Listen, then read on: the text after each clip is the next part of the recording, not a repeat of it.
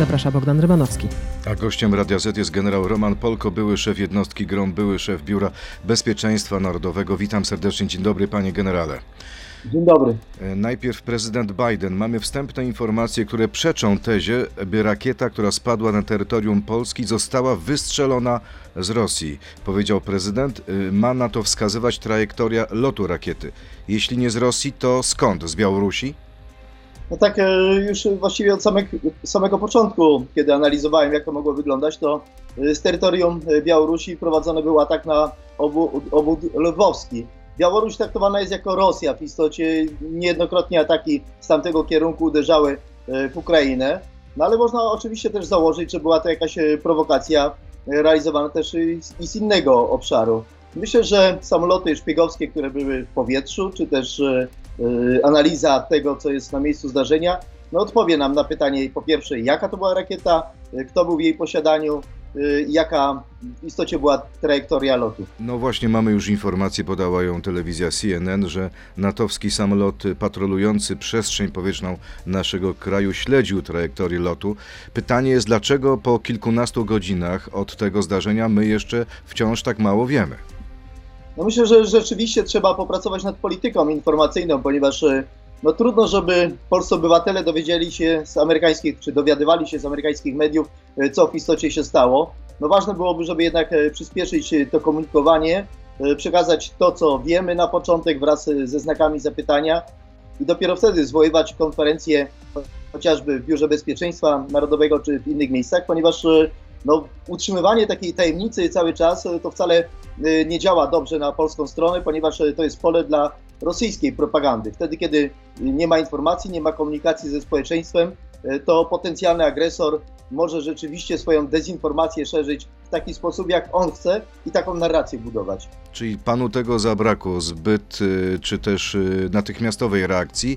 Rozumiem, że pojawiła się pustka informacyjna, a tę pustkę informacyjną może wypełnić każda dezinformacja. Zdecydowanie tak. Przed posiedzeniem, które miało miejsce w Biurze Bezpieczeństwa Narodowego, bo ono zostało szybko zwołane, sprawnie, no ale wystarczyło, żeby wyszedł ktoś i po prostu e, udzielił jakiegoś e, uspokajającego komunikatu i powiedział, e, nad czym w tej chwili e, polska strona e, wraz z partnerami zachodnimi e, pracuje. To z pewnością e, zamknęłoby wiele takich obszarów różnego rodzaju spekulacji, które pojawiały się już e, w tym czasie w mediach społecznościowych. To porozmawiajmy właśnie o tym, jaka to mogła być rakieta, jaki to mógł być y, pocisk.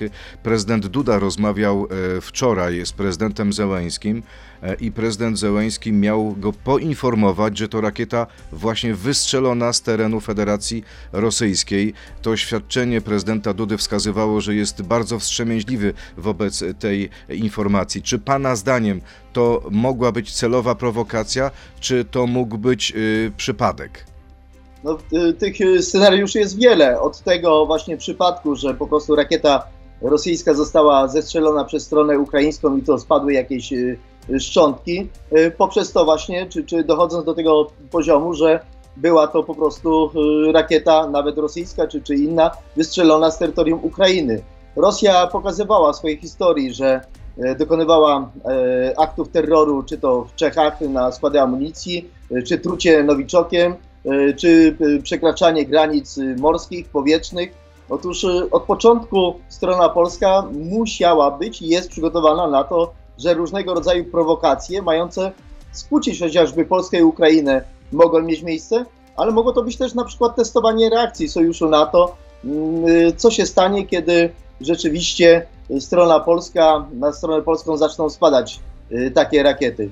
To, No. co się wydarzyło, jest ogromną tragedią. Zginęły dwie osoby.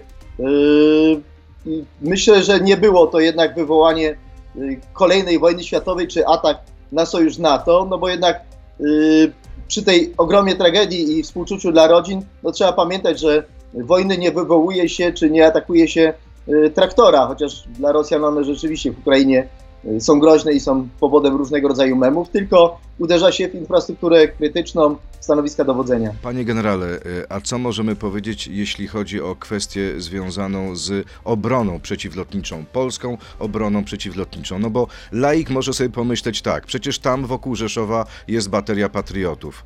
Czy my nie mogliśmy zestrzelić tej lecącej rakiety w stronę terytorium Polski? No, rzeczywiście jedna bateria e, patriotów, która chroni przede wszystkim sam Rzeszów, no nie wystarczy, żeby chronić e, całej wschodniej granicy. Mamy kupione e, polskie systemy, mamy kolejne zamówione. Mam nadzieję, że również po tym zdarzeniu zostaną przyspieszone dostawy tych systemów obrony powietrznej. Widać wyraźnie, że musi być ona wzmocniona nie tylko informacyjnie poprzez samoloty wywiadowcze chociażby, czy, czy środki wywiadowcze, ale e, sądzę, że także należałoby rozpatrzeć możliwość wysunięcia e, tej obrony powietrznej także na terytorium e, Ukrainy, bo nie da się chronić każdej pięci e, polskiej ziemi, jeżeli te systemy mogą reagować tylko na granicy z Panie Polską. generale, co to konkretnie znaczy? Czy to znaczy, że powinniśmy zaprogramować tą obronę przeciwlotniczą, która chroniłaby także część terytorium Ukrainy, na przykład ileś tam kilometrów od granicy z Polską i powiedzieć o tym Rosjanom? Dokładnie tak. Zamknięcie jakiegoś pasa y, przestrzeni powietrznej y, y, na granicy właśnie Polski i Ukrainy, sięgającego czy wychodząc wręcz tery- na terytorium y, Ukrainy i wzmocnienie czy zbudowanie systemów y, przeciw obrony powietrznej, które ten pas po prostu by skutecznie chroniły. Nie możemy dopuścić do sytuacji, czy to w wyniku przypadku, czy celowego działania, po prostu będą ginąć polscy obywatele. No właśnie, czy możemy sobie pozwolić na to, żeby jakakolwiek zabłąkana rakieta czy zabłąkany pocisk uderzały w polskie terytorium? Przecież jesteśmy krajem NATO i zabijały Polaków. Co te, y, zabijały Polaków. Co teraz powinno zrobić NATO? Czy y, powinna być reakcja y, trochę większa niż tylko dyplomatyczna? No dyplomatycznie Polska zareagowała świetnie. Rozmowy prezydenta Dudy wczoraj, czy to z sekretarzem NATO, czy z prezydentem Bidenem.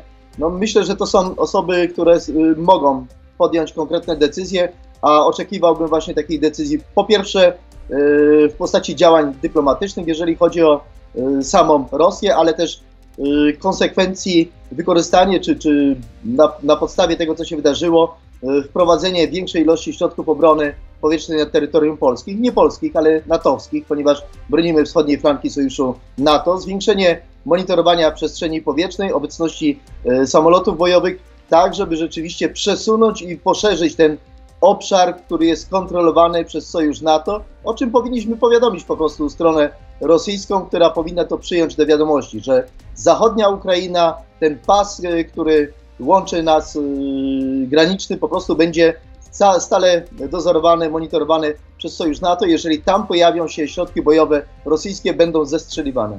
A czy na przykład y, powinno zostać zniesione jakiekolwiek embargo na wszelki rodzaj broni? Na przykład, czy w tym momencie NATO czy Ameryka nie powinna przekazać Ukraińcom samolotów F-16, a może też y, wyrzutni dalekiego zasięgu?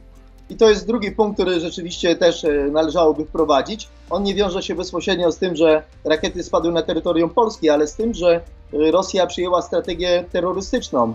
Wczoraj spadły rakiety na obiekty cywilne, infrastruktury krytycznej, zabijając e, Ukraińców, bo pozbawienie nas zimą wody, elektryczności to jest po prostu mordowanie, mordowanie ludzi. Ten bezprecedensowy atak, bo na froncie Rosjanie przegrywają tym bojowym, na y, infrastrukturę cywilną, na obiekty cywilne, no jest myślę podstawą do tego, żeby NATO w końcu zniosło ograniczenia dla Ukrainy i dało jej broń rakietową dalekiego zasięgu, gdzie stanowiska startowe tych rakiet czy okręty, y, z których są wystrzeliwane, mogłyby być po prostu przez Ukraińców niszczone. Panie generale, wielu Polaków, wielu naszych słuchaczy być może obudziło się dzisiaj z niepokojem. Możemy im powiedzieć, że nie grozi nam w tej chwili wojna z udziałem Polski, że jest to jednak zdarzenie o charakterze przypadkowym, pojedynczym.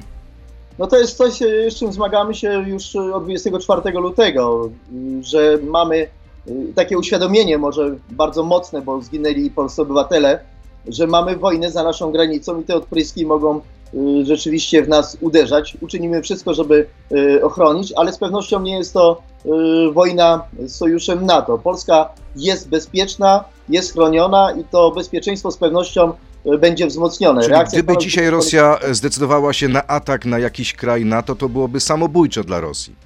Y, Rosja nie zdecyduje się ani na użycie broni masowego rażenia, broni jądrowej, bo wtedy spotkałaby się z potępieniem y, wspierających Rosję Chin.